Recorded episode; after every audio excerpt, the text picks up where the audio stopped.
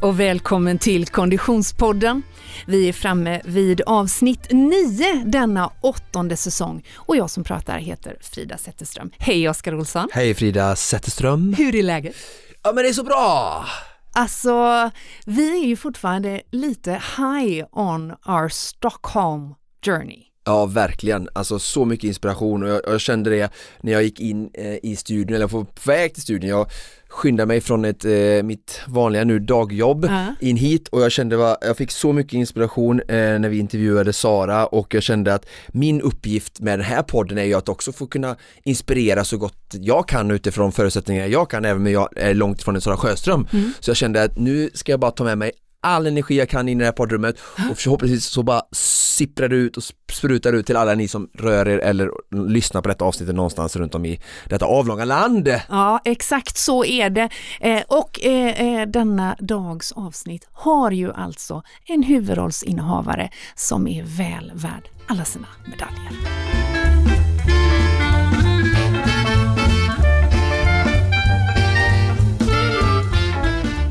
Det är med vördnad, glädje och stor kärlek i konditionsöronen som vi säger hej och välkommen Sara Sjöström.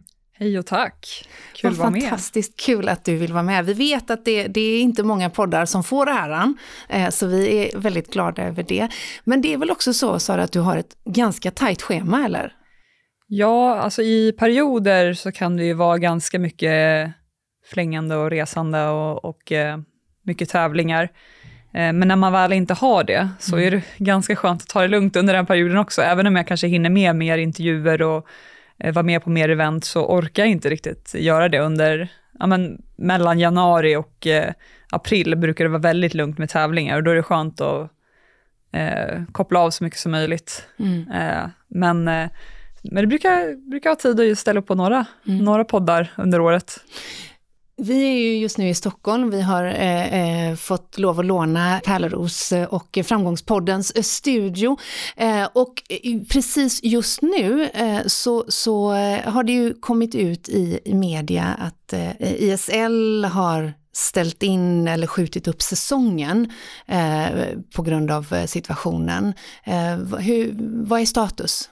Ja, precis. Eh, International Swimming League, som det heter för de som inte vet det. Eh, det är en internationell liga där man tävlar för en, eh, en internationell simklubb. Min klubb heter Energy Standard och sen finns det liksom 11 andra lag som, och där man varje lag köper in simmare för att få bästa möjliga eh, laguppställning. Och han som är grundaren för, för tävlingen är ju från Ukraina och många som jobbar för den här tävlingen eh, är ju baserade i Kiev. Så ehm, av förklarliga skäl då så fick man ju ställa in tävlingen i år.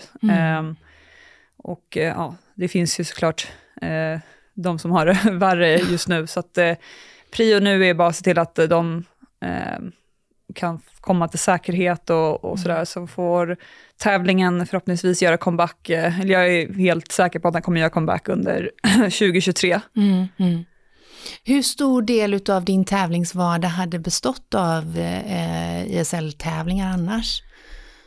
Alltså det är under, alltså mellan eh, ungefär augusti och december så brukar det vara 10 till 12 tävlingar.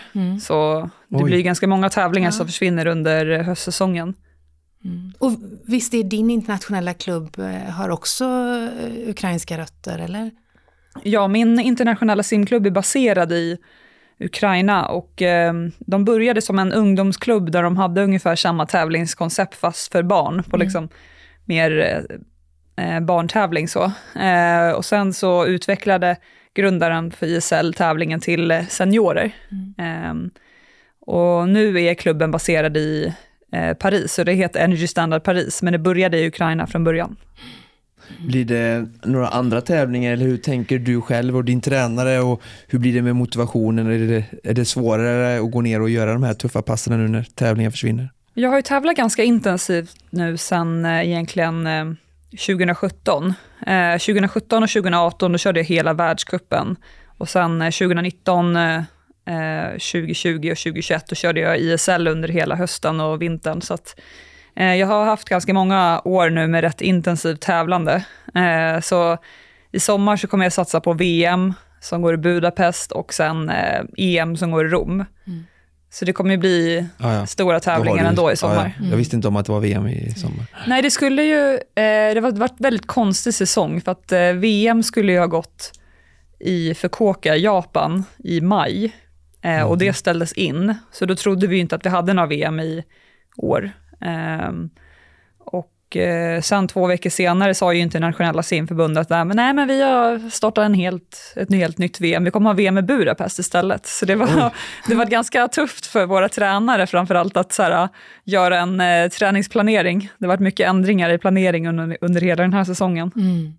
Och det, det är ju eh, till, efter två år av ändringar naturligtvis, för det är klart att ni var väl mm, som alla andra pandemipåverkade med inställda tävlingar. Och, Ja, nu har de ju verkligen fått träna på att ändra i planeringen. Det, mm. det har ju varit en del av vardagen de senaste två åren. Mm.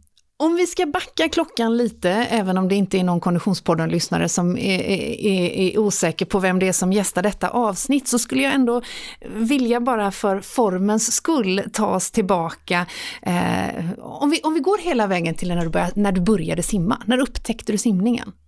Så jag började simma när jag gick i eh, tredje klass. Jag flyttade till Haninge eh, på sommarlovet innan jag började trean och då började jag samma klass som en tjej som simmade. Mm. Och jag höll själv inte på med någon eh, sport och jag ville ju vi ville umgås tillsammans hela tiden, jag och den här tjejen. Så jag hängde med henne till simhallen eh, och eh, ja, på det viset kom jag in i, Mm. i eh, simklubben. I tredje klass, var du var 9-10 år någonting Ja, där då? precis. Ja. Eh, ja, så började jag simma. Och så, Och då gick det ju rätt fort kan man säga till 14 år och, och, och EM-vinst. Ja, så den tiden där från när jag började simma tills jag vann EM har ju bara flyttat ihop till en, eh, ett minne typ. Man kommer inte riktigt ihåg så mycket från den tiden, men eh, det gick väldigt fort och eh, ja, jag hade väl kanske de fysiska förutsättningarna och jag var väldigt orädd av mig som i den i ung ålder var det inga konstigheter för mig att tävla eller jag ville gärna utmana killarna också ibland, även om jag visste att de kanske var snabbare, men ibland kunde jag slå dem på träningarna och det var det bästa jag visste, utmana dem, kanske till och med killarna som är lite äldre än vad jag är. Eh, Så att jag hittade nya utmaningar hela tiden och tyckte det var hur kul som helst. Men det var någon tränare som plockade dig där och tidigt eller? Eh, Ja, men jag tror hela klubben fångade väl upp att jag var en talang. Så, Eh, så att då skickade de ju mig vidare i, i grupperna som klubben har, Södertörns simsällskap. Så det var liksom ja, först en eh, nybörjargrupp och sen eh, efter varje säsong liksom, fick jag ju flyttas upp en grupp och öka intensiteten och eh, svårighetsgraden på, på träningarna hela tiden. Så till slut var jag ju elitgruppen som 13-åring. Vad, för oss som inte har, har gjort den här liksom sim Eh, resan från barn till att simma i klubb och tävla och sådär. Hur, hur, hur, mm, hur mm, hittar ni ert simsätt? Vi ser ju mycket det i mästerskapen att ni satsar på olika typer av simsätt. Det finns ju fyra simsätt och sen medley för de som inte känner till simningen. Eh, vilken distans vann du EM på och var det tydligt tidigt vilken du var, hade fallenhet för eller valde du det själv för att det var roligt? Men som, eh, alltså allra först så var jag ju bäst på crawl. Mm. Och då skulle det helst vara en längd. Jag var ju otroligt snabb på bara 25 meter frisim eller 50 meter frisim i långbana. Då gick det hur fort som helst. Eller allting som inte hade vändningar gick ju hur fort som helst för mig. Eh, Men sen så... Kände du att du tappade om ni körde 200 på ett pass, då kände du att men nu var jag inte lika eh, snabbast längre? Ja, men jag du tror det var för att känna- jag, jag började simma relativt sent, så att prio var ju mer att lära sig liksom, tekniken ordentligt. Så att, och då, då lärde jag mig inte göra voltvändningar förrän jag kanske var 11-12 någonting. Mm, mm. Så att det var, gick ju lite segt. Men eh, i början eh, när jag började tävla, då körde jag egentligen de flesta grenarna. Allt från eh, 400 meter medley till 200 fjärrsim och eh, 200 ryggsim och 800 meter frisim ibland. Men eh, fokusgrenarna var ju ganska tidigt så här att jag skulle vara, bli bäst på Mm. 100 fjäril och, eller utvecklas mest på 100 fjäril och 100 frisim och sådär. 200 frisim var ju också med ganska tidigt. Mm. Och det är 100 fjäril du tog. Precis, 100 Första. fjärilsim tog jag ju eh, först junior-SM-guld på 2007 och sen vann jag någon juniortävling internationellt under 2007. Eh, och sen eh, kvalade jag till EM och vann EM 2008. Mm. Och det var ju eh, EM för seniorer, ska ju nämnas. Det var inte någon juniortävling jag vann. Såklart. Men och den där 100 fjäril eh, måste väl fortfarande smälla högt för dig? Jag tänker guldmedalj. Eh, alltså 100 fjärilsim är väl kanske inte min eh, fokusgren längre. Jag tränar. Det är inte Nej, men jag, jag tänker att du ändå har plockat en, ja, ett OS-guld i. Jo, jo, precis. Så 100 fjärilsim är definitivt en av mina mest framgångsrika grenar. Mm. Eh, med OS-guld och världskod och eh, både i kort och långbana har jag haft det. Och sen ehm, och eh, ja, VM och Mm. EM-guld, kort och lång och allt vad det är. Ja, men det är många, jag har många meriter på den grenen, så Ja. är det ju. Man, man, man förstår att man har en meriterad atlet i studion när det är liksom så här, och, och, och EM och världsrekord och Ja, men det är och allt möjligt. och- Ja, exakt. Kort och lång och allt vad det är. Men du, eh, okej, så vi, vi vet då att eh, 2008, du är 14 år, du har tagit EM-guld. Eh, hur går man vidare därifrån? Var det liksom bara givet och spikrakt? Du är fortfarande i skolan och liksom, eh, vad- vad- vad- hur, hur gick du vidare ifrån en sån Nej, men- prestation? Jag tror att ledarna som jag hade där, alltså min tränare och, och eh, simförbundet och alla de, och mina föräldrar, de hade nog, och även i skolan, de diskuterade, alltså alla vuxna runt omkring Mm. mig, eh, var väl de som styrde lite grann, men de var väldigt, de tyckte det var väldigt viktigt att när jag återgick till vardagen, att allt är som vanligt. Mm. Att det inte, eh, det ska inte bli någon så här stjärnstatus i den åldern på något sätt, utan det var verkligen så här, håll henne nere på jorden nu så länge som möjligt. Nej, men, så då, de var väldigt duktiga på det och så här, låta mig träna tillsammans med de andra i klubben. Eh, det är klart jag fick några extra träningspass under, under eh, veckan och sådär, men, eh, ja, men försöka hålla allting som, så vanligt som möjligt så att det inte blir några Mm. stora förändringar. Tror du, det här är ju bara spekulation såklart, men det här är ju 2008. Det här är före sociala medier. Tror du att situationen hade varit annorlunda just i frågan om till exempel stjärnstatus och eh, jag tänker att man, kan, man kunde kanske kontrollera en 14-årings vardag på ett annat sätt. eh, Ja, men det tror då. jag. Ja, det har du nog rätt i. Det har jag inte ens reflekterat över tidigare, men det, det kan nog göra stor skillnad. Det var ju absolut, jag brydde mig inte om jag fick mer följare eller någonting Nej. sånt där. Jag hade inte sociala medier eller Man en telefon inte- när jag reste iväg på tävlingar. Jag satt Nej. och kollade på tvn i hotellrummet eller snackade med rumskompisen. Mm. Det var liksom det man gjorde. Så att, och man, eh, eftersom att man inte, jag väldigt sällan reste med telefon och, och dator och sådär, så det var inte så att man följde media på något sätt eller läste det som stod i tidningarna, utan Nej. det fick man kanske kolla någon, någon, eh, något uppslag när man kom hem från tävlingarna. Föräldrarna visar hur, hur stolta de är och sådär. Nej men eh, det var verkligen inget, men nu, nu kan det bli mer att man kanske ja, råkar bläddra in på någon eh, artikel när man är inne på sociala medier eller någonting. Eh, men det, det, jag tror att det säkert gjorde väldigt stor skillnad att det inte fanns det då. Det är ganska roligt faktiskt, jag har inte frågat, vi har haft väldigt många eh, elitidrottare eh, i podden, men jag tror inte vi har ställt frågan hur, hur upplever ni som elit, du har ju faktiskt också haft, eh, varit elitidrottare både innan och under sociala medier. Mm. Hur, hur känner du, eh, alltså här din relation till sociala medier med elitidrottare? Är det positivt eller är det negativt mest? Eller hur, hur tycker du med sociala medier och elitidrottandet? Alltså för dig? Alltså för mig, jag tycker det är jättekul. Mm. Ehm, Till exempel när jag var ung och skulle följa mina eh, största idoler, det var ju det enda sättet man kunde se dem var att faktiskt åka live och kolla på dem på en Mm, simtävling. mm. Men det är väldigt kul och, och så här, fint att kunna ha en väldigt nära kontakt med de som följer mig och, eh, från hela världen. För jag har ju ganska mycket fans eh, utanför Sverige. Ja. Och du är väldigt Ehm. generös ska sägas på dina sociala medier. Ja, men jag försöker att dela med mig och så här, dela med mig av lite mina favoritteknikövningar och favoritövningar på gymmet. Så det, det är väldigt eh, lätt att ha kontakt med sina följare. Mm. Men jag tror att det hade varit väldigt svårt att hantera på samma sätt när jag var 14-15 år, självklart. Och ofta då har man massa följer- andra tänk, grejer att tänka på också Ja. i livet. Och så följer det ju, för många följer det ju kanske en, en press från sponsorer och, och möjligheter att ha eh, samarbeten följer med tidigt och, och som man kanske egentligen inte har valt så att säga. Men okej, så dina, dina föräldrar och lärare och, och, din omgivning lyckades ändå hålla den där 14-åringen eh, eh, med träningsfokus och i, och i schack då? ja, men det tycker jag verkligen. Alltså det var samma sak när man kom hem till hemmamiljö. Det var så här, jag var som, jag har ju flera syskon, det var ju bara mm livet rullar på som vanligt när man kom hem. Det är inga konstigheter. så. Ja. Hur mycket tränade du då? Om, eh, liksom, vi, vi hamnar där då i, i 15-16 års åldern och, eh, eh, och du har liksom eh, EM-guld i bagaget. Eh, hur mycket tränar du? Hur såg din träningsvardag ut?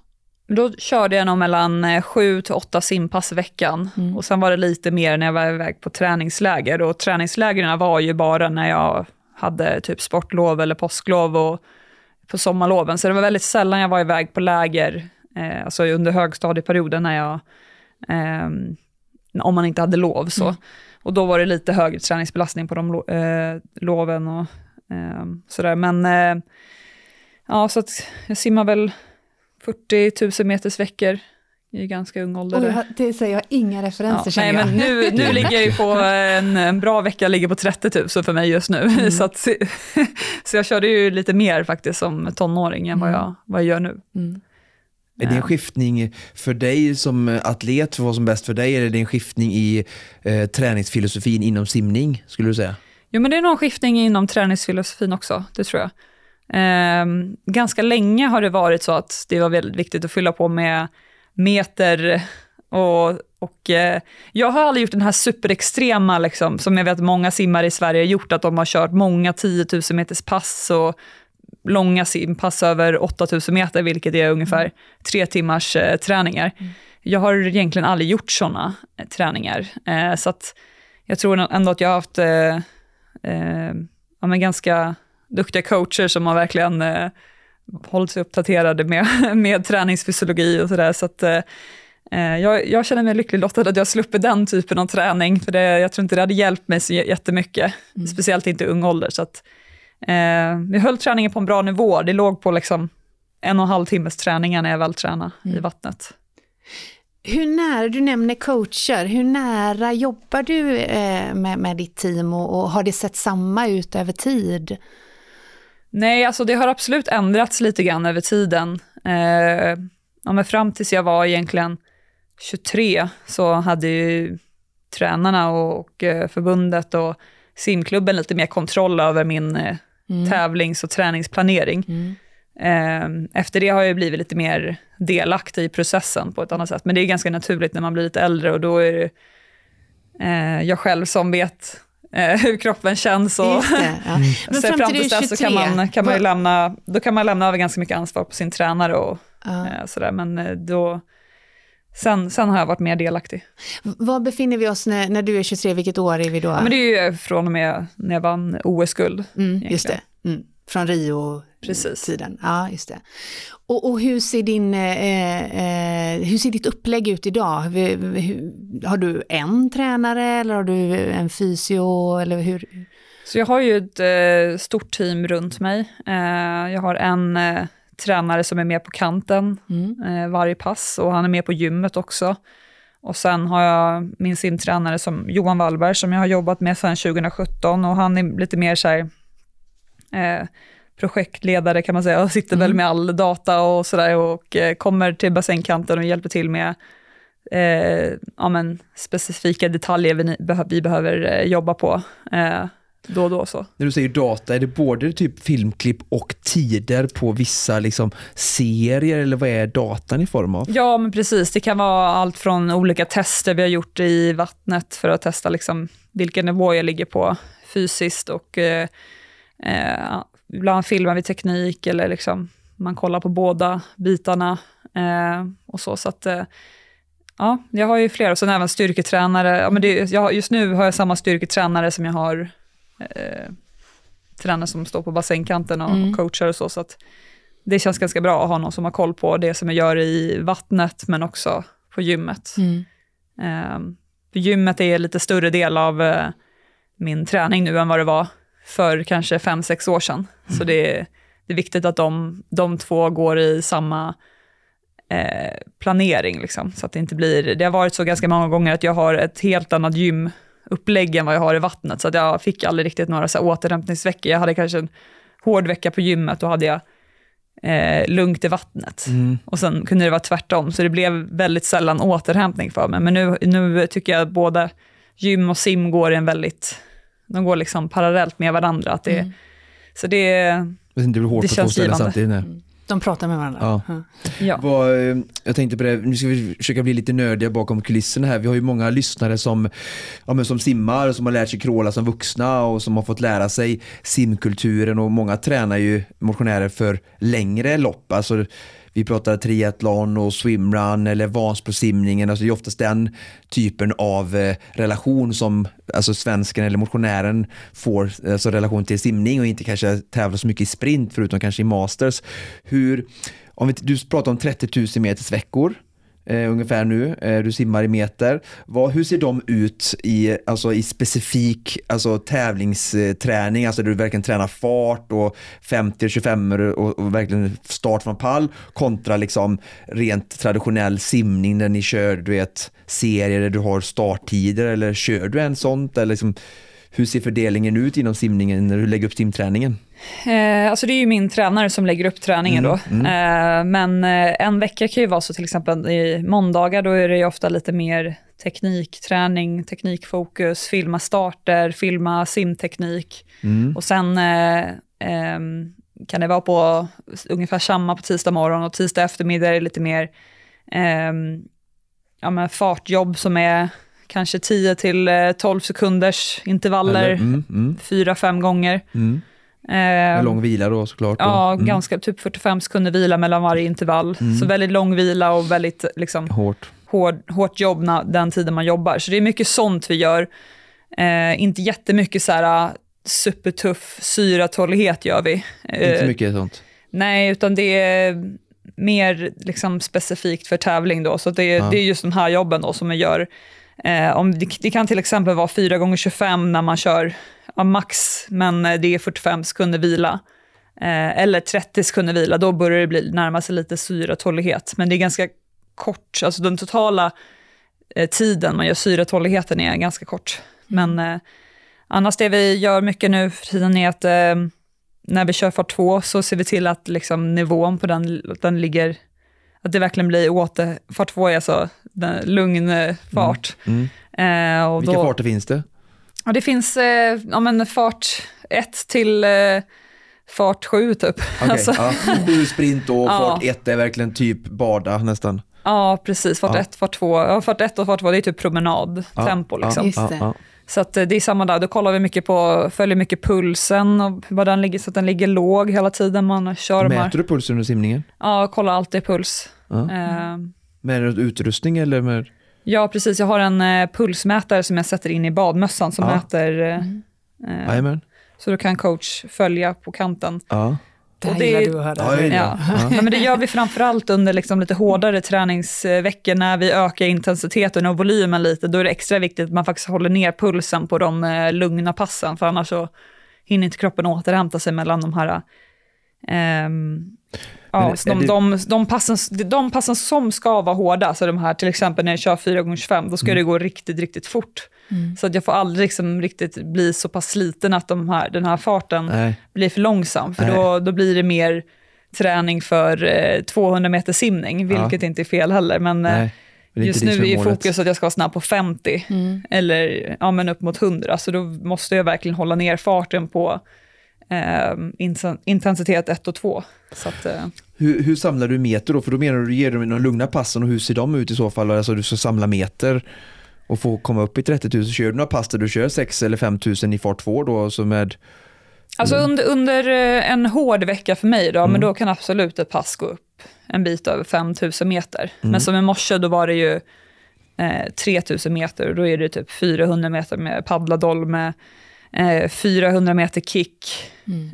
eh, 400 meter swim, Ja. lite teknikövningar, eh, lite kick igen eller någonting sånt där. Så Men är det, för att bygga upp volymen då? För man behöver ju ha en hög volym som elitidrottare allmänt. Liksom. Är det, det är syftet med det passet att bara få upp metrarna helt enkelt?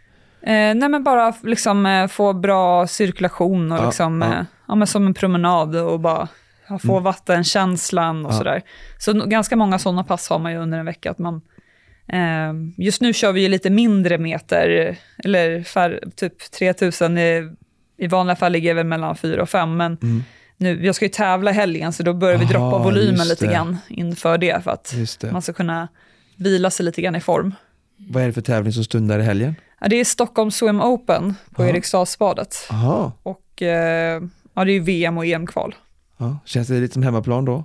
Ja, men det är skönt. Jag var ju inte med på den tävlingen eh, förra året eftersom att jag var skadad då. Så då fick jag ju bara följa från läktaren. Så det blir mm. kul att vara med den här gången. Vad har du för ambitioner eller kvala förklart i första hand som gäller? Eller? Ja, men precis. Framförallt att klara, det borde jag ju klara, men ja, ja, ja. ja nej, men det finns ju absolut. Man ska ju aldrig så här, om det är någonting som jag har lärt mig under min karriär är att man ska alltid vara ödmjuk till det man gör. Alltså mm. så fort man eh, tar någonting för givet mm. så, så, så blir mycket jobbigare att klara mm. eh, kvaltider och eh, eh, prestera på högsta nivån. Så att man ska aldrig ta det för givet liksom.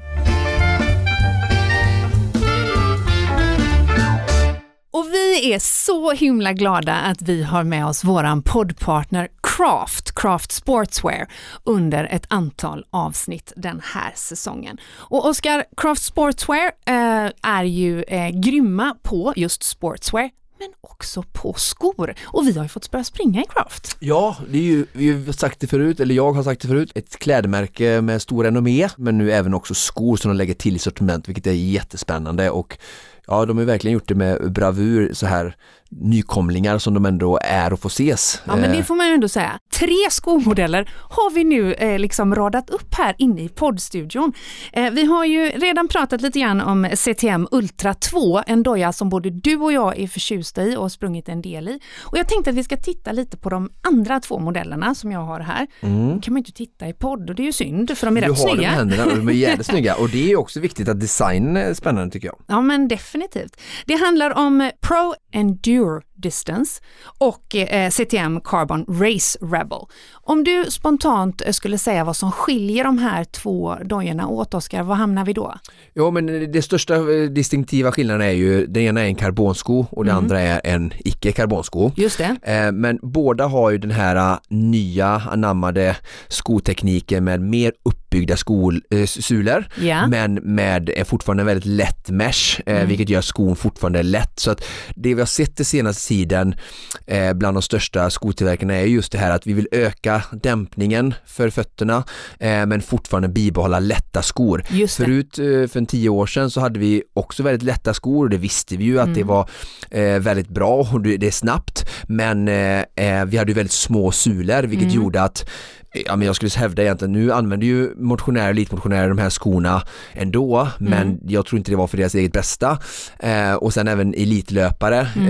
eh, använder ju också dem, men upplevde ju, vi har ju haft elitlöpare i podden som har vittnat om just hur de känner att med de här nya skorna, liksom ordentlig dämpning, gör att de kan köra mer mil och hårdare pass. Ah. Eh, så det har ju båda de här skorna, mm. men Pro Endurance då är ju mer, skulle jag säga, som en, en, en instegsmodell och en, mm. en bra mängdsko eh, för att springa mycket och långt i. Mm. Eh, men alltså för den ovane löparen mm. så funkar den ändå att ha som en, en, en, en, bra intervallsko också för att den är ändå bara runt 235-240 gram. Pro vilket, Endure Distance pratar ja, vi nu. Vilket ja. gör att den fortfarande, i en UK8 då, men i, i, vilket gör att den fortfarande med många andra eh, skomärkens mått mätt är en relativt, alltså se, får ändå ses som en lätt sko. Just det. Eh, så att en, en bra distanssko men inte liksom den här då moderna mer dyra, exklusiva eller liksom tekniska karbonplattan Just som gör att du får det här ännu mer frånskjut då som har blivit så himla populärt bland den här tävlingsskor. Karbonplattan den hittar vi då i CTM Carbon ja, Race ja, ja, Rebel. Svart är min. Absolut, och då ser vi det som att Pro Endurance har 1500 kronor i rekpris och Rebelen har 2500.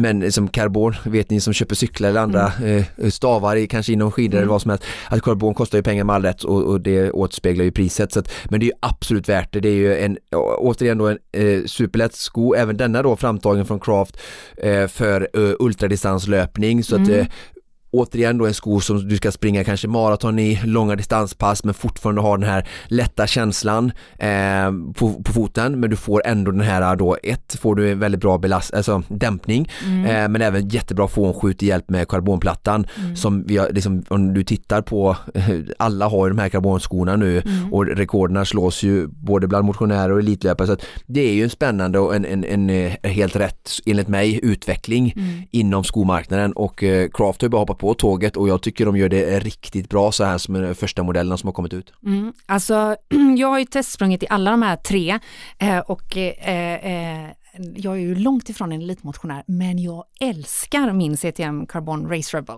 Jag tror du, speciellt du, alltså bara ta på sig den, alltså att just det här med den meshen som är så lätt ah. och hur den sitter på foten, ja, utvecklingen har verkligen gått framåt som med så mycket annat, det, mm. det är häftigt att se. Mm. Mycket spännande och vi är så himla glada att ha med oss Craft Sportswear under ett antal avsnitt här framöver. Och om du som lyssnar också vill investera i en doja från Craft så tycker jag att du ska ska slå till nu. För just nu har vi nämligen en rabattkod.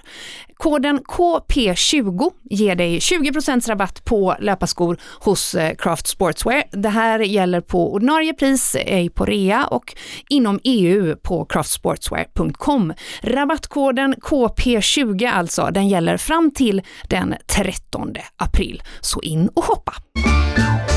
Och vi är så himla glada att vi har med oss våran trogna poddpartner Odlow genom hela den här säsongen. Och det är ju Odlow som håller oss varma och snygga när vi är ute och springer, Oskar.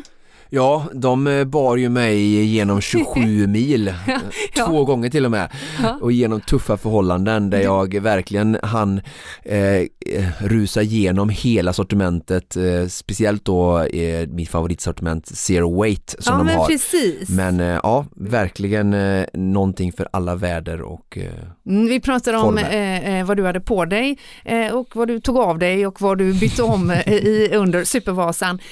och, och den här Zero Weight som du bara berör i förbifarten nu, mm. visst är det bland annat den här Dual Dry Waterproof jackan som eh, blev en favorit? Ja, det är ju en av deras eh, vad ska man säga, ikoniska produkter i mm. den här serien eh, som är en av deras mest högteknologiska eh, produkter. Vad är det du gillar med den jackan?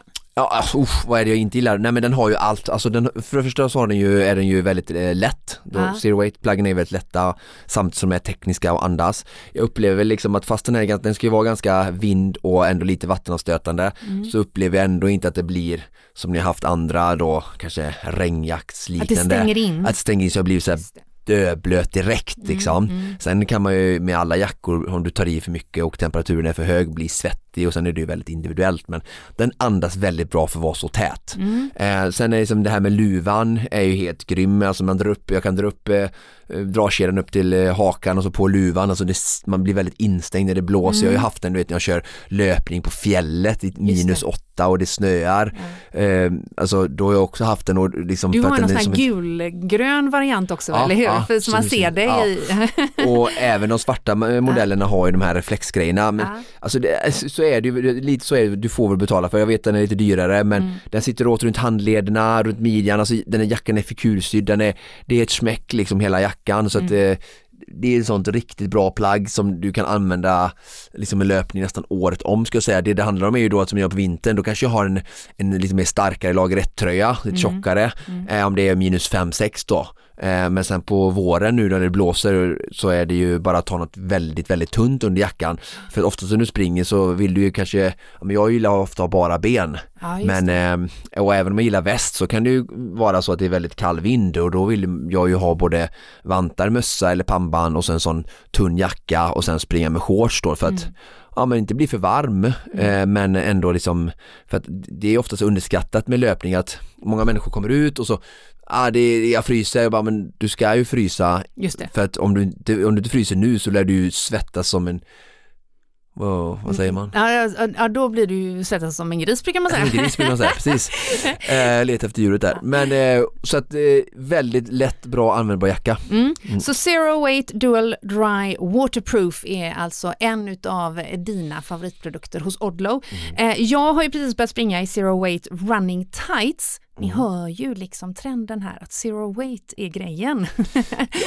Det, om man vill ha riktigt bra grejer så är det verkligen det. Ja men skämt åsido faktiskt mm. så gör det skillnad måste jag säga. Mm. Eh, och Odlow har ju ett helt sortiment utav eh, löparkläder givetvis där Zero Weight är som sagt en av våra favoritkategorier. Och den, den Zero Weight Tyson där har väl sån heter en high waist också mm. som jag vet många tjejer brukar gilla just för att den är väldigt bekväm. Ja men och det är, det är inte att underskatta speciellt så här när eh, eh det ibland liksom blåser och känns lite kyligare. Så att eh, eh, superbra verkligen. Och om du som lyssnar blir sugen på att springa i dina egna Odlow tights eller i din egen Odlow jacka så kan du bland annat eh, hitta eh, ett bra utbud av Odlows sortiment på Boost, eh, på Outnorth eller på Pölder Sport på eh, internet helt enkelt. Tack så mycket Odlow för att ni hänger med oss den här säsongen.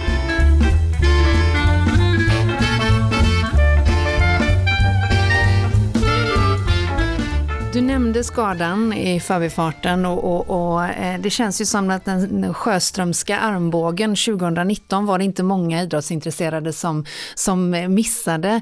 Eh, ta oss tillbaka till den tiden och den perioden.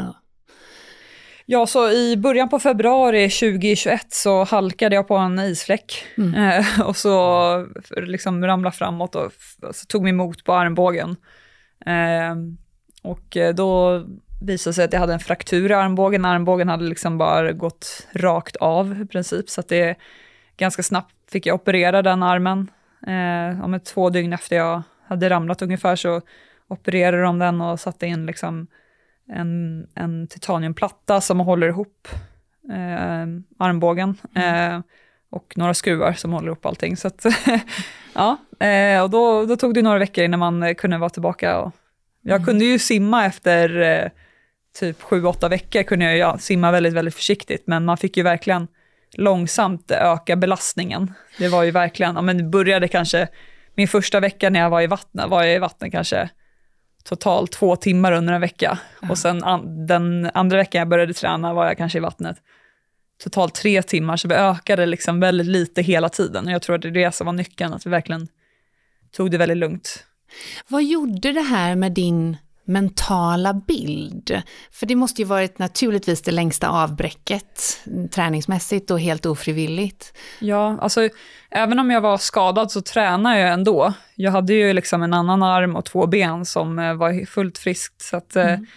Det var egentligen bara de första tre veckorna efter operationen som jag tog det lugnt, för att då har man ju ett öppet sår som måste mm. läka. Mm. Så att det läker ju inte jättebra om man liksom köttar på för hårt. Så att då var det bara ta det lugnt de tre veckorna och sen så var det bara att sätta igång med tuffa cykelintervaller och mm. eh, eh, ja, men ganska tuffa benpass på gymmet. Jag kunde inte använda armen så jag kunde inte göra liksom vanliga Nej. knäböj och så. Men eh, då kunde man ju typ göra benpress eller liksom, ja, men vi, vi gjorde bara det som gick. Så vi fokuserade på liksom det som, som går att göra snarare än att fokusera på det som inte mm. går. För det var ganska mycket som inte gick att göra. Så, um, så jag fortsatte träna liksom min eh, min vänsterarm som vanligt. Mm. Eh, Försöker du göra efterlikna de här korta intervallerna när du gör i vattnet på cykeln och du kör mycket korta intervaller med benen? På cykeln körde jag lite längre intervaller så att mm. mina pass kunde vara 6 gånger 4 minuters intervaller och, ja. eller eh, 8 gånger 3 minuters intervaller mm. eller 12 mm. gånger 2 minuters intervaller. Mm. Så det var eh, Ja men det var lite, lite annorlunda på cykeln.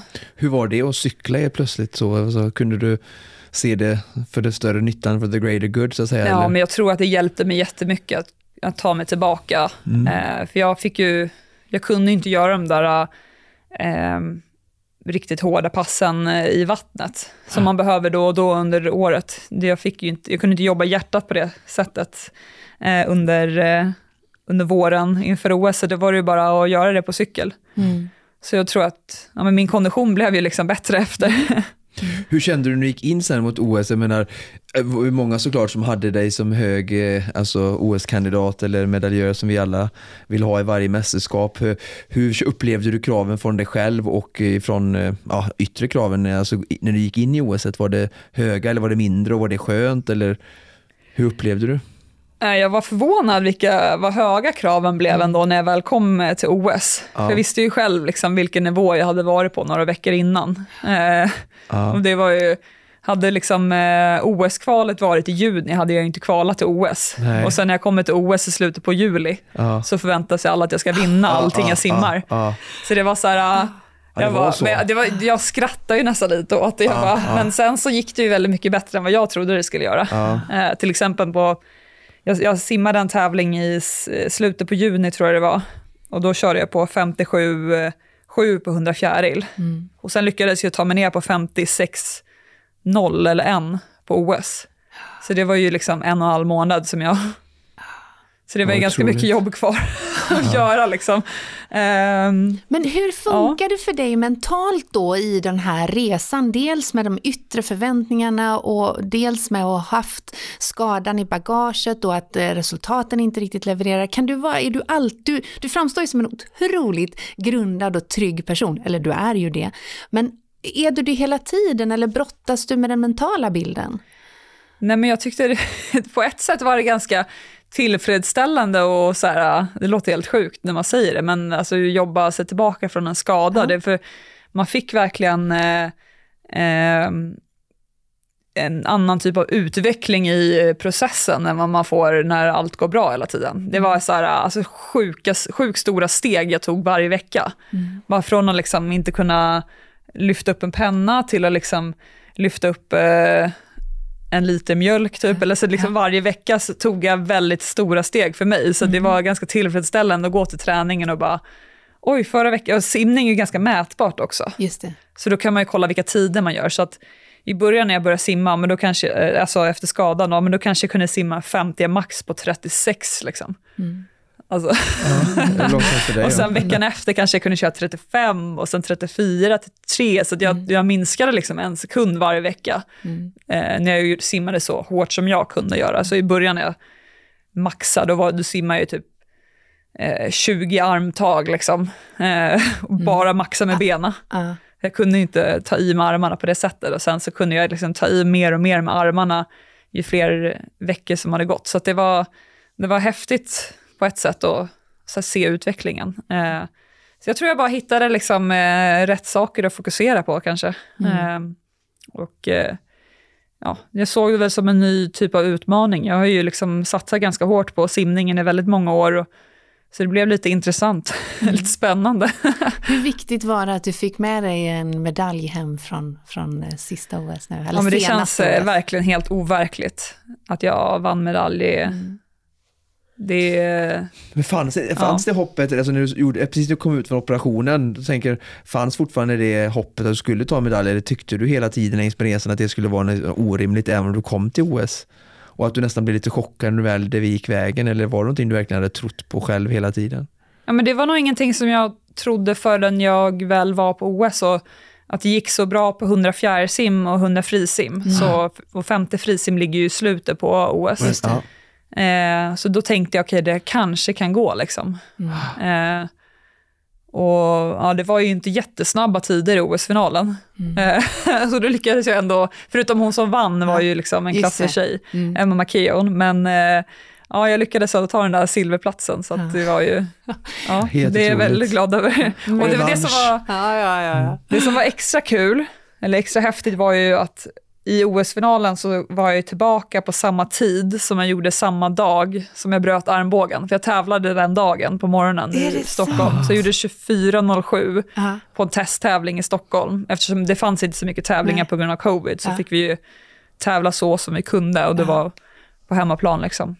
Eh, ja, så 24.07 och sen 24.07 på OS-finalen. Så det, jag var liksom tillbaka. Cirkeln var sluten. Ja men alltså. verkligen, det, var, det kändes häftigt. Ska man kröna liksom en sån sluten cirkel med något så känns det ju som ett eh, silver på OS i 50 meter frisim som en ganska bra eh, så, sigill, måste jag säga. Men det som var kul med att jag lyckades vinna den här medaljen på femte frisim är ju att jag nu har OS-medalj på alla de eh, Just fyra det. grenarna som jag har eh, satsat på under min karriär. Och det är ju, ja, nu finns ju inte 50 meter fjärilsim, annars kanske man hade haft en medalj på det Just det, också, vem ja. vet. Men eh, 100 fjärilsim OS-guld i Rio, 200 frisim eh, silver i Rio och brons på 100 frisim i Rio och nu 50 frisim i Tokyo.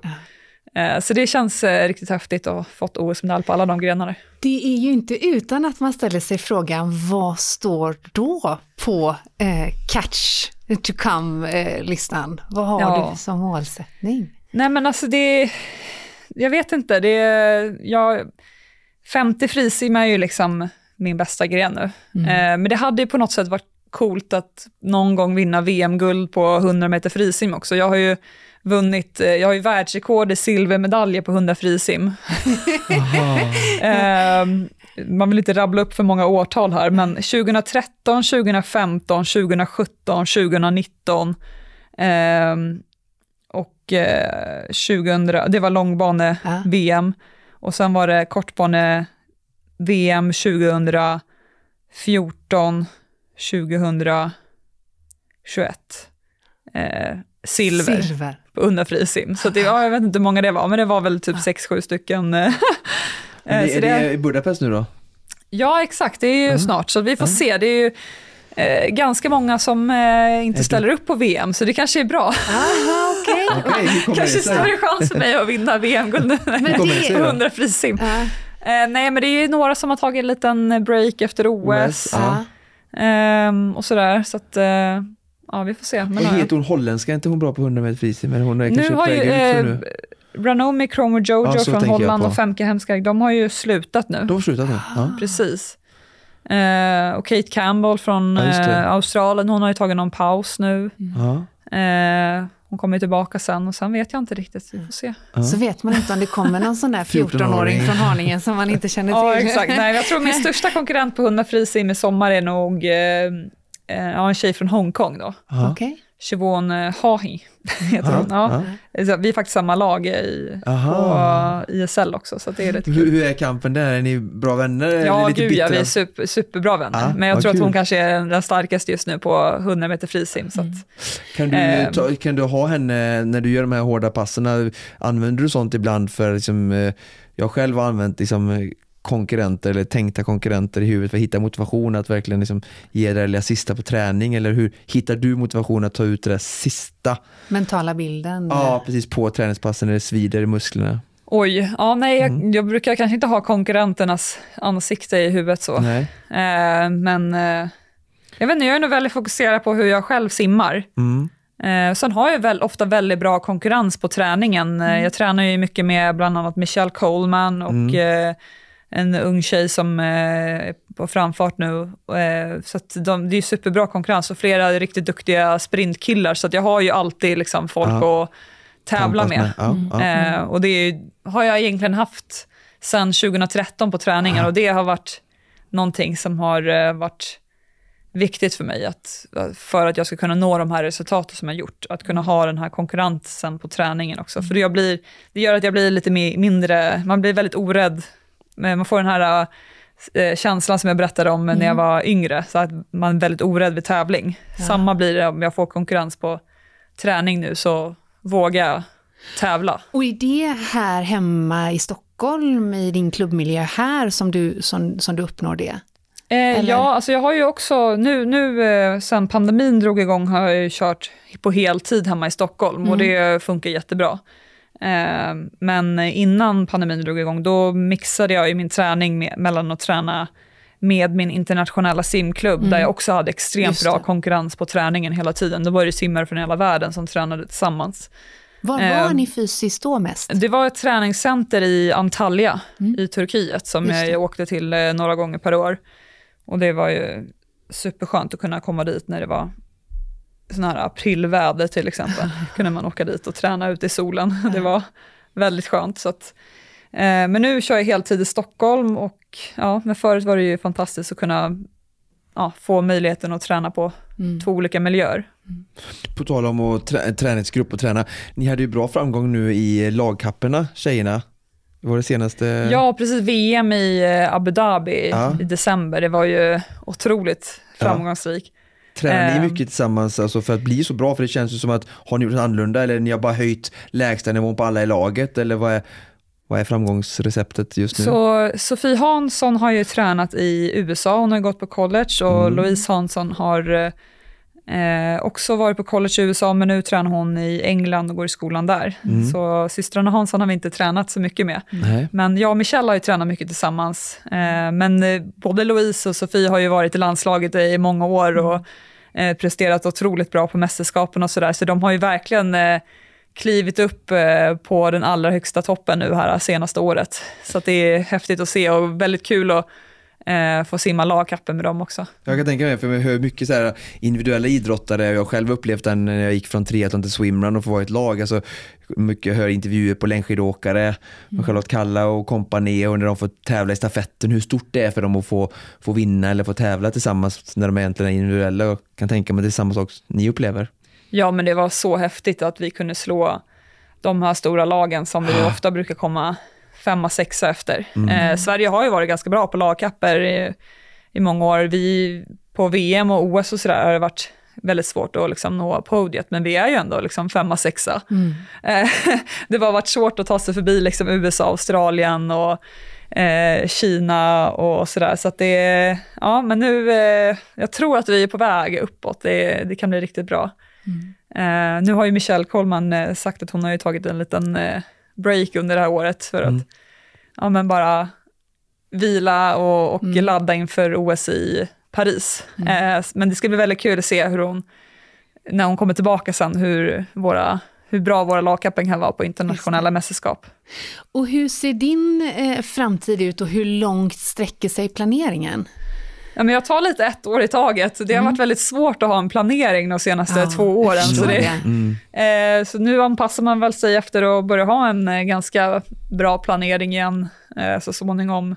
Även det här året som jag nämnde tidigare har det varit ganska eh, konstigt planeringsmässigt, Ja. men eh, ehm, Ja, jag, jag och min sambo har precis eh, köpt hus, så i år blir väl det fokus. Tack. Fråga efter hantverkare såg jag på Instagram. Ja, hantverkare, tack. Ja, jag är ju mest ohändiga som finns i världen. Så. Nu är vi två. jag Ja, föddes men- utan tumme. Ja, men jag är ganska tur, min pappa jobbade som hantverkare när han var ung, så, Okej. men jag tror att han tycker det är kul att låta mig försöka själv först. Mm, ja. Men då blir det att jag ringer en annan hantverkare istället om han inte vill hjälpa till.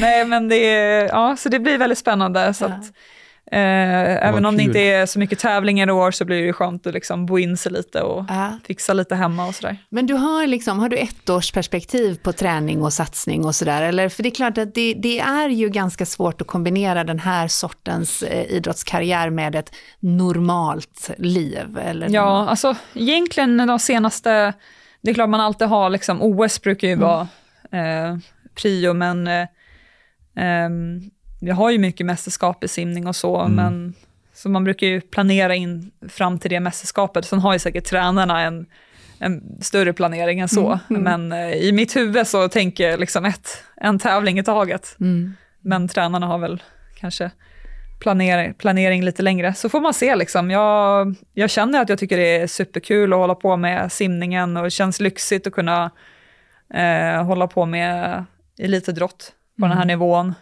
Eh, ja, så får man se liksom, hur, hur länge man lyckas hålla sig där uppe på toppen. Det är Men du inte... har ju hållit dig väldigt eh, skadefri ändå får man säga. Så det här var ju en Ja. olycka och en isfläck. Ja, precis. Det var ju Alltså- verkligen ingen skada på grund av simningen. Nej, utan du verkar ju ha fått balans med sagt i teamet med Mm. återhämtning, styrketräning och simning och kunnat Ja. prestera så många år. Ja men verkligen. Nej, men jag, jag har, bara ta i trä så här. Nej men jag har varit ganska skonad från skador. Jag har, men det är klart man har lite så här små skavanker. Eh, axlar ibland liksom och ryggproblem är väl kanske det som jag har kämpat mest med. Men jag har väl förlorat egentligen tre tävlingsdagar under hela min karriär på grund av skador som inte har med eh, olyckan att göra. Eh, så att det är, Ja. ja. Det är ju naturligtvis eh, otroligt eh, snyggt track record, för jag tror inte det har så mycket med tur att göra, utan snarare eh, eh, bra planering och, och självkännedom. Ja, men jag tror självkännedom är väl det som är Ja. viktigast. Och så här, ibland kanske någon try- tycker att jag verkar lat eller sådär. Det har jag väldigt nej, svårt att men, tro. nej, men jag menar, alltså, om, man, om man hoppar över lite Ja, någon träning så kan det vara för att jag känner att ja.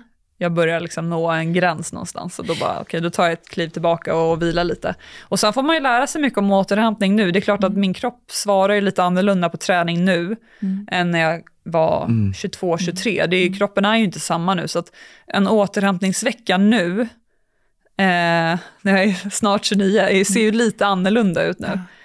Eh, det kan vara att typ träna fyra timmar på en vecka, mm. en återhämtningsvecka nu, till skillnad från en återhämtningsvecka när jag var 22, kunde vara fortfarande 40 000 meters vecka. Just det. Eh, så att, ja, det, det, man måste alltid känna efter lite. Ibland såklart mm. man kan hålla upp volymen lite grann under återhämtningsvecka, men ibland mentalt och fysiskt är det bättre för mig att typ nästan inte göra någonting alls, eller mm. bara typ köra motionscykel i en vecka, eller crosstrainer eller någonting som bara bara vara ledig från simhallen mm. är otroligt givande, har jag lärt mig det senaste året.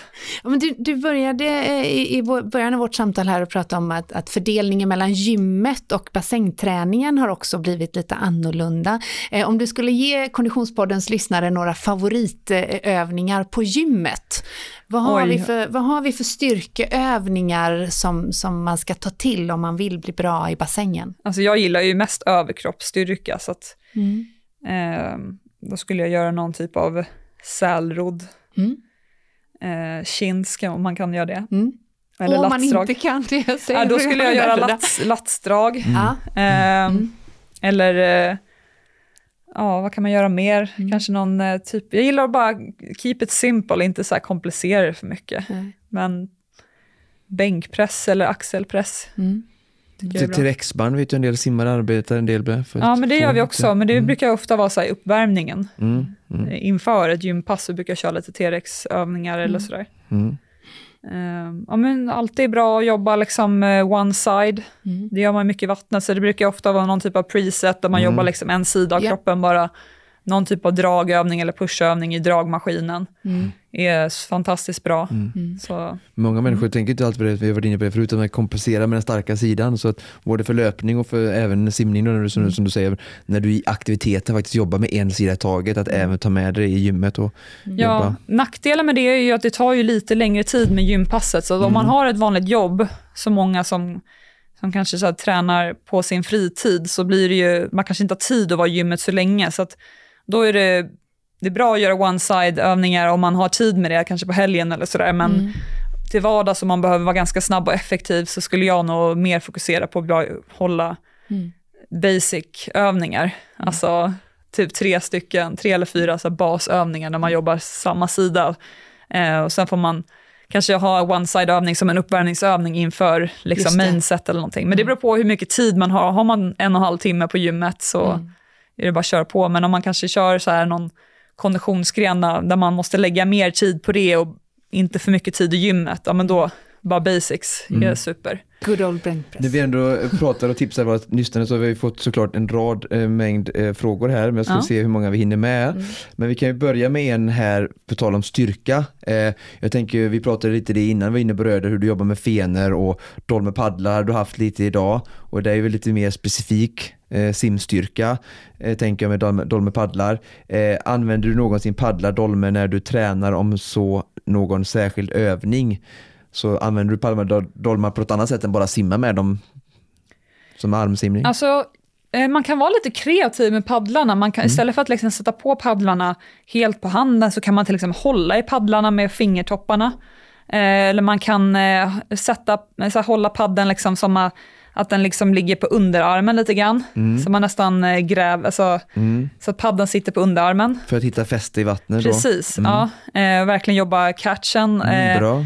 Eller eh, om man vill jobba på sin andning mm. i, i simning kan man testa att sätta padden på huvudet, ja. alltså på pannan. Det har jag fått göra. det är ett perfekt sätt att träna på, liksom ha en an, en fin andning. Mm. Det är ju lite annorlunda när man kör mycket öppet vattensimning. Då kan man inte riktigt simma med den typ av streamline-simningen, för man måste liksom kolla framåt och lite sådär. Mm. Uh, men det är en väldigt kul övning, så man kan vara lite kreativ och våga, jag tycker man ska våga leka lite mer i vattnet, så att man inte bara gör, typ om man har dolmed, man behöver inte alltid sätta den mellan låren, man kan ju sätta den mellan fötterna ibland, ja. eller mm. uh, ja, men liksom bara leka runt lite. Eller mm. någonting som jag tycker är väldigt kul är det här som jag snackade om, att jobba one side, att man kanske sätter en paddel på högerhanden och en, en fena på vänster fot. Så man jobbar liksom Ah. Diagonalt. Mm. Att man jobbar, det blir väldigt mycket roligare att simma om man liksom gör lite olika grejer. så man inte bara ligger och simmar med Jag har fått göra alla de här grejerna du Ja, faktiskt perfekt. nämner i, Ja. av min coach. Så att, det är Ja, jättekul att bra höra. coach. Ja, mycket bra coach. Eh, anledningen till att du ofta ses träna med fenor? Frågetecken. Är det för styrka? Frågetecken. Det är för att hålla ett vatt, högt eh, vattenläge. Mm. Det är det jag gör när jag tävlar också. Mm. Eh, och ja, men mycket när jag kör teknikövningar så kör jag mycket med fenor och uppvärmningar kör jag mycket med fenor. Och, eh, det är väldigt, väldigt alltså, lite simning helt utan redskap för min del faktiskt. Alltid någon typ av alltså, Kanske totalt 1200 meter på pass kan vara helt utan redskap, men då brukar jag typ ha en snorkel eller någonting under de metrarna ibland. Vad heter det? Min uppfattning är lite, då, du har ju tränar ju för något helt annat och ibland så kanske motionären kan på ett lite felaktigt sätt precis som många andra kanske försöker träna som en annan elitidrottare i en annan idrott eh, fast inte har samma alltså, mål eller förutsättningar. Alltså Vansbrosimning är ju inte samma sak som 100 meter frisim i Budapest i sommar. Eh, min uppfattning ibland är att eh, motionären kan använda lite väl mycket verktyg och, och då tappa, alltså de ska ju ändå tävla ganska långt Ja, absolut. med sammansatt simning. Har, Ja. har du någon typ så här regel? Jag brukar säga så här, men 25-30% med redskap. Och sen, för man får också tänka att de gör ju inte så många pass som du gör, utan de kanske bara har två, tre pass i veckan. Ja, nej men absolut. Men jag tror att det viktiga är att man, alltså man får ju, det beror på vilken nivå man är på lite grann. Jag, jag tror på lite grann att man måste ju börja på sin nivå så att man eh, kan eh, öka svårighetsgraden allt eftersom. Så om man, om man är en väldigt bra simmare redan, ja, men då får man kanske köra lite eh, mindre redskap. Så gör jag också under säsongen. I början av säsongen kanske jag börjar med lite mer redskap och sen när jag kör efter några veckor och har kommit igång lite grann, ja, men då tar jag bort redskap allt eftersom. så att man eh, prio liksom vilken, vad man har satsat på, att man kör, har bra teknik i simning. För det är ett ganska konstigt element att ta sig fram i. Så att, Ja. eh, har man bra teknik i, på öppet vatten, eller om man simmar 100 frisim, så kommer det vara så mycket lättare att ta sig fram. Eh, man kan ta sig fram eh, snabbare, men att man tar i mindre om man har bra teknik. Det är det som eh, är lite intressant med simning. Man kan ta i hur mycket som helst, men har man ingen, ingen bra teknik så... Påminner påfallande mycket om skidåkning måste jag säga. ja, men det är verkligen samma. Så det, man kan tänka simning och, och skidåkning kan vara lite samma. Det är samma där man ska lära sig att glida på, på tagen. Liksom. Eh, lite mer, det är några som har lite samma frågor här som pratar mycket om eh, tänka på under träningen, tränare för öppet vatten, eh, tre månader kvar till Vansbrosimmet, förbereda mig för bästa resultat. Om vi, om vi fokuserar lite på att någon som tränar för, som jag sa, typ Vansbrosimning, lite längre träning, har du några konkreta tankar kring det? Nej, men jag skulle försöka utmana mig lite grann med eh, alltså, börja räkna lite armtag. Så kolla hur många armtag du tar på en längd. Mm. Eh, tar du 40 armtag, men testa kö- köra några 50 eller 100 när du kanske ligger på Alltså nästan överdriva det lite grann och göra 30 armtag. Det är bara ett exempel. Mm. Ehm, Med syftet att med syftet att liksom försöka lära sig komma lite längre på varje armtag och bli effektivare hitta... så. Mm. Precis, man behöver inte simma hela passet så, men... Eh, ehm, Bli medveten om det. Och, Ja, exakt. Det kan vara en bra teknikövning för att för sen så kanske det, när man då slappnar av, när man väl simmar, så kommer det, lite, då kommer det komma automatiskt. Liksom. Mm. Så man jobbar distance per stroke ehm, lite grann och ehm, ja, det är väl det som är In- mitt interv- intervaller, eh, hur skulle du lägga upp intervaller om du skulle köra Vansbrosimningen om du inte kanske, kanske skillnad på motionär och elitsara men Nej men det är samma där som det här med att öka svårighetsgraden lite grann. Man kanske får ehm, börja en vecka med att köra en, eh, jag vet inte, 500 meter utan att stanna. mm. Och sen eh, fyra, fem dagar efter kanske man testar att köra eh, 800 meter och stanna. Fyra dagar senare kanske testa 1200 och sen kanske gå tillbaka till eh, 800 meter. Sen att man liksom hoppar lite, alltså man testar eh, och öka nivån lite hela tiden så att man inte kör, man börjar med 3000 nonstop. Eh, jag tycker inte man behöver göra en hel 3000 innan Vansbrosimmet, för det är, det är så tråkigt att ligga och simma så långt utan att stanna, men på träningen så bara försök att, att få in någonting där man ökar svårighetsgraden lite varje vecka. Så. när vi tränade mot Ironman-simning så var det mycket populärt när vi byggde upp i, liksom mot slutfasen att ha ett eller två pass minst i veckan där det var, vi började alltså i tröskelfart typ 25 gånger 100 med kort vila och sen så ökade vi till 30, 35 och sen upp till 40 gånger 100 då, för vi tävlade ju 3800 meter då. Ja. Är sådana pass någonting, alltså hundringar fast med kort vila? För det blir ju nästan som en 3000 fast du vet man kör med en utmanad starttid istället. Är det något pass du skulle rekommendera? Tycker du det är bättre att köra 3 gånger 1000 eller 6 gånger 500 eller? Alltså det beror ju på om man har ett mål att man, verk, att man vill slå någon speciell tid på Vansbrosimmet så Ja. är det ju inte fel att försöka hålla eh, den eh, pace-tiden då. Mm. Ehm, jag vet inte hur det funkar exakt med Vansbrosimmet för jag vet att det är lite strömt på vissa ställen och det är väldigt Det är svårt att så här- 2000 medströms och sen 1000 Ja, men motströms. precis. Så Mm. det är svårt att liksom simma med den, eh, veta exakt vilken Ja, pace man ja, kör ja, på. Men ja. eh, eh, ja, men absolut, testa liksom eh, om man vill. Liksom. Kör, eh, man kan till och med köra 50 där man kör lite snabbare än vad man tänker att man ska göra. Mm. Eh, eller 25 varför inte? Alltså, Med så- kort starttid för många då eller? Precis, ja. Mm. så vi säger att du, du ska simma 3000 meter och du har du ganska tuffa mål, att du vill simma rätt fort på den. Mm. Ja, men kanske börja en vecka med att du kör 40 gånger 25 säger vi starttid. Jag vet inte hur snabbt Mm. Nej, du simmar, nej, men nej. 10-15 sekunder vila. Att du kanske kör lite, lite snabbare vad du tänker att du ska köra på Vansbrosimmet på alla de 25 erna. Det är Ja. riktigt tufft. Alltså. Men, och sen kanske man kanske kör samma grej fast med 50 Och sen, eh, jag vet inte om man har kortbana eller långbana, man kan köra 75 meter. Eller, alltså, Ja, ja. det är inte fel att liksom... Man bygga kan, upp lite så, progressera så, Ja, börja där precis. och sen så, Så man kanske, om vi säger gör 40 gånger 25, Mm. kanske du gör, börjar 10 lite lugnare och sen de sista 10 är eh, riktigt hårt. lite tuffare. Så att, Ja. det, det beror på. Man kan, jag tror det mesta funkar. Eh, om man vill bara gå till simhallen och bara simma 3000 nonstop så blir det säkert inte lika kul, men eh, eh, jag, tycker, jag tycker om att dela upp det lite kortare. Ja. Men det är ju för, kanske för att jag har lite mer sprint eh, Mm. bakgrund. Men jag skulle göra på det sättet om jag, eh, jag skulle blanda så här och få Mm. in lite 25, ganska många 25 på hög hastighet Mm. snarare än att köra för långt. Så. Eh, Bra tekniktips, bra träningstips, bra styrketips. Här nu den stora, största frågan som jag har liksom väntat på och som vi också har fått.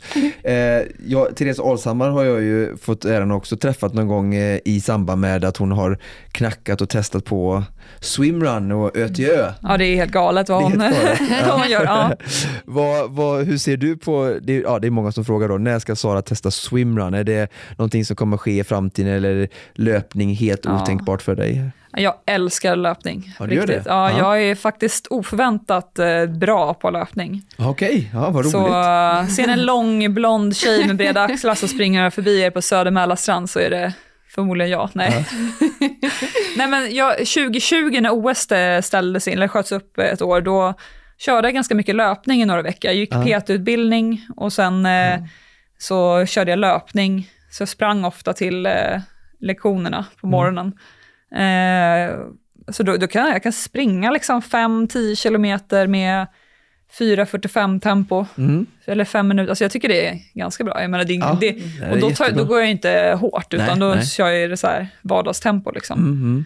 Så att, eh, ja, det, jag tycker det är lite härligt. Men nu om jag skulle gå ut och springa så eh, skulle jag inte vara lika bra. Men jag, jag gjorde en ganska bra så här, upptrappning, så jag började med typ två månader när jag gick och sprang och sen gjorde jag två månader när jag liksom eh, ja, men sprang lite längre, så typ tre kilometer och sen så helt plötsligt så bara klarade jag av att springa fem till tio kilometer bara sådär en eftermiddag. Liksom. Så Men att, en eh, eh, swimrun då efter karriären med Johan kanske? Ja, det hade varit så kul. Ja, det är ju lagidrott. Ja, verkligen. Så Ja. han drar dig på löpning och du på simningen eller kanske blir det du som får dra båda två. Jag vet en Ja. världsmästare som söker partner. Ja, nej, det hade varit superkul. Ja, nej, jag tror... Eh, eh, jag har faktiskt en, en, eh, en som är tränare i min internationella simklubb som Mm. är jätteduktig på så här, eh, alltså superlång distanslöpning. Men han är Mm. ganska duktig på att simma också, så det Ja. hade varit kul. Ja, Och han är kör från. Kanada, så Ja. det hade varit kul att så här, Teama upp honom. ja men precis. Ja. Ja. nej, Det men, känns ju skönt att vi har liksom framtiden säkrad då, även Ja. Ett år i taget. efter ett år i Ja, taget. nej, men det, det, ska bli, det ska bli kul. Och så, sen, jag tror att eh, jag kommer att köra väldigt mycket mer löpning när jag simmat klart i framtiden. Det är Mm. så himla På somrarna i alla fall, inte när det är snöstorm från alla håll. Men eh, Ja. Utforska miljön runt nya huset. Så. precis, Mm. Nej, men det kommer bli otroligt härligt. Så, ja. Sara Sjöström, vi är så otroligt tacksamma att du tog eh, dig tid ur ditt eh, eh, tajta träningsschema och eh, vi kommer med eh, spänning att följa eh, vad som kommer härnäst. Eh, eh, 50 meter eh, Budapest. 100 meter ska hon ta guld nu. Ja, Ja, det är ja, 100 det är meter också, men unicorn, 50 meter ja. var väl ändå... Jag, tror, jag tror jag har större chanser på 50 fjäril och 50 frisim, men det hade varit kul att ja, kanske Men vi ska ta det där bryta den guldet där på 100. silversviten på 100 också. Det hade varit skönt faktiskt. Ja, tycker vi bestämmer det Ja, faktiskt. precis. Vi Ja. kommer att sitta som klistrade Ja. vid tv-rutorna och följa dig i vattnet. Ja, vad kul. Det är en Tack fröjd mycket. varje gång, Ja. ända sedan 2008. Ja, Mm. Det var nu är jag en gammal du- räv i Ja, vattnet. Nej. Tack så hemskt mycket Sara. Ja, tack snälla.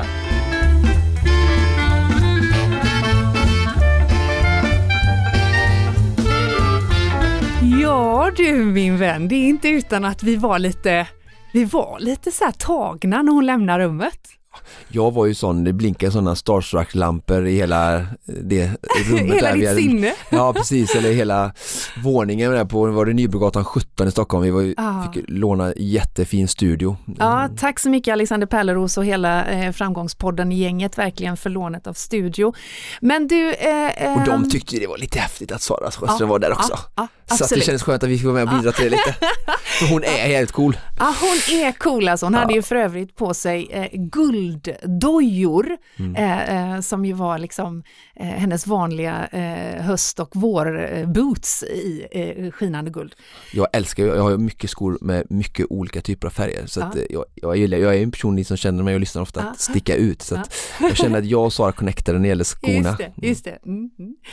Men du, eh, vad tar du med dig eh, Eh, annars i övrigt från eh, eh, hennes eh, berättelse? Hon var, delade ju väldigt generöst med sig av eh, både tips och erfarenheter. Ja, alltså vi var, jag var ju lite osäker innan där, undrar hur mycket hon orkar eller vill eh, alltså öppna upp och berätta sådär men jag kände att det var väldigt innerligt och hon verkligen svarade ju ärligt och Mm. öppet med, med, med allting om hela resan. Vi började ju redan från när hon lärde sig att simma där i tredje klass och sen hur det gick vidare och det gick ju väldigt fort där, nästan som hon inte nästan mindes tiden Mm. mellan 10 och 14 där hon ja, hetsade och försökte tävla med, med killarna i bassängen och sen tog sin första EM-medalj eh, redan 14 år gammal och Eh, nej men alltså vad tar jag med mig? Alltså, i, alltså hela resan bara att eh, eh, hur långt vi människor kan komma Mm. eh, om vi verkligen bestämmer oss Mm. och eh, eh, nyckeln av att hitta någonting som vi älskar. Alltså Sara pratar om som att simning är något helt självklart för henne Mm. och jag tror att, eh, alltså jag gillar ju alltid att försöka, alltså för det första så tillåter jag mig alltid att inspireras av människor jag träffar eh, för att det berikar mig och lär mig om mig själv och jag kan ta med mig det in i mitt liv. Mm. Och jag tänker ni som har lyssnat på detta avsnitt nu att verkligen så här ta till er, alltså ibland tänker jag att människor kan sätta både sådana som Sara eller andra människor som har kommit långt på någon slags pedestal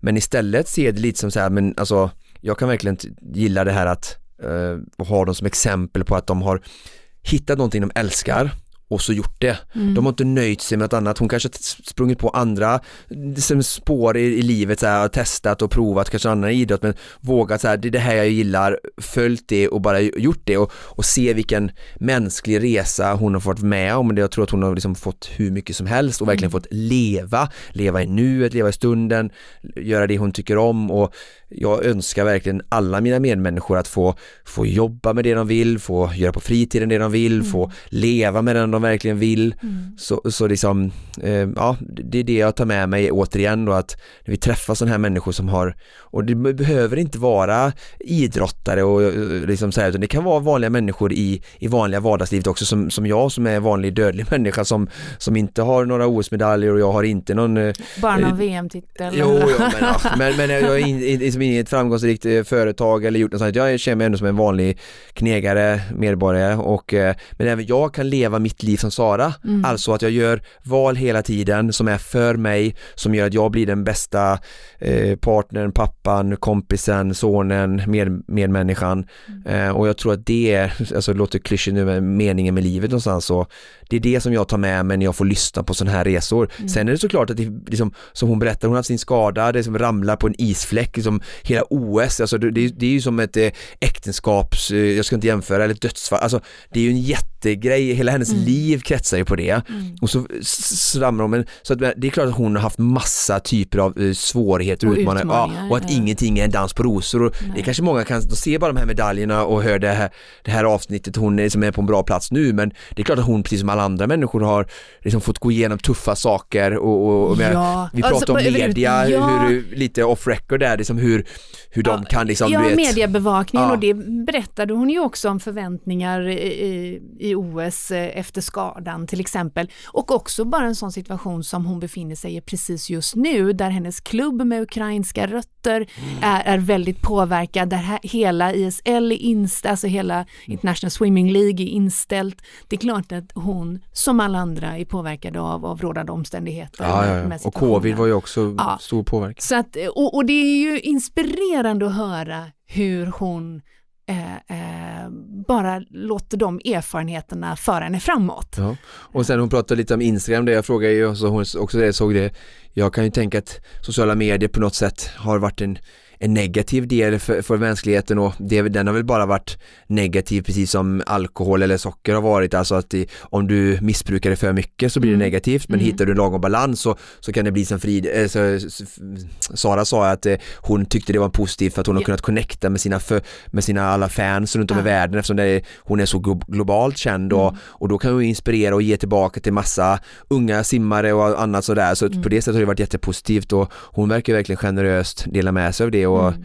ta, ta sin, sitt ansvar på den biten så att Mm. nej. Ja, verkligen. Och, jag, sen, jag, jag har ju sett typ alla simtävlingar, jag är ju mästerskapsnörd och jag, jag vet att må, många i min närvaro kanske till sin stora förtret tycker att jag hänger mycket framför skärmen och har gjort sen, sen eh, Sverige tog eh, VM-brons i USA 94 var mitt största riktiga tv-minne och från det så har jag nästan följt väldigt mycket sport framför rutan och, och Saras eh, 14-åring och hela hennes karriär, jag tror nästan jag har sett alla hennes mästerskapsmedaljer live eh, så det är såklart jättehäftigt att få, få träffa och sitta i samma rum en stund och bara köta lite. Mm. Och nu i helgen är, är det alltså eh, EM-kval eh, i Eriksdalsbadet. Då. Vi- Jag har ingen tv fortfarande men eh, jag brukar hitta nu på nätet så att jag ska Just se om jag kan hitta någon sändning och, Ja. och följa det. Mm. Mycket bra, vi önskar henne all lycka och vi är så himla glada att hon eh, valde att gästa Konditionspodden. Och väldigt, väldigt glada att du väljer att lyssna på Konditionspodden. Skulle det vara så att du känner att just det här avsnittet, det tycker jag att min eh, träningskompis, min partner, min granne, eh, eh, bänkgrannen på gymmet eller något liknande bör ta del av, så vill vi såklart gärna att du eh, eh, delar avsnittet i sociala medier. Och tänk så här lite att ju mer kärlek och delningar ni kan ge oss, ju större kan vi bli och ju bättre och ju mer kan vi ge tillbaka. Exakt så. Det är en eh, circle of love, hela, alltihopa. Men eh, kära eh, poddlyssnare, den här cirkeln har eh, nått sin ände den här veckan i alla fall. Precis som vanligt så produceras Konditionspodden av Fredag. Connect Brands with People.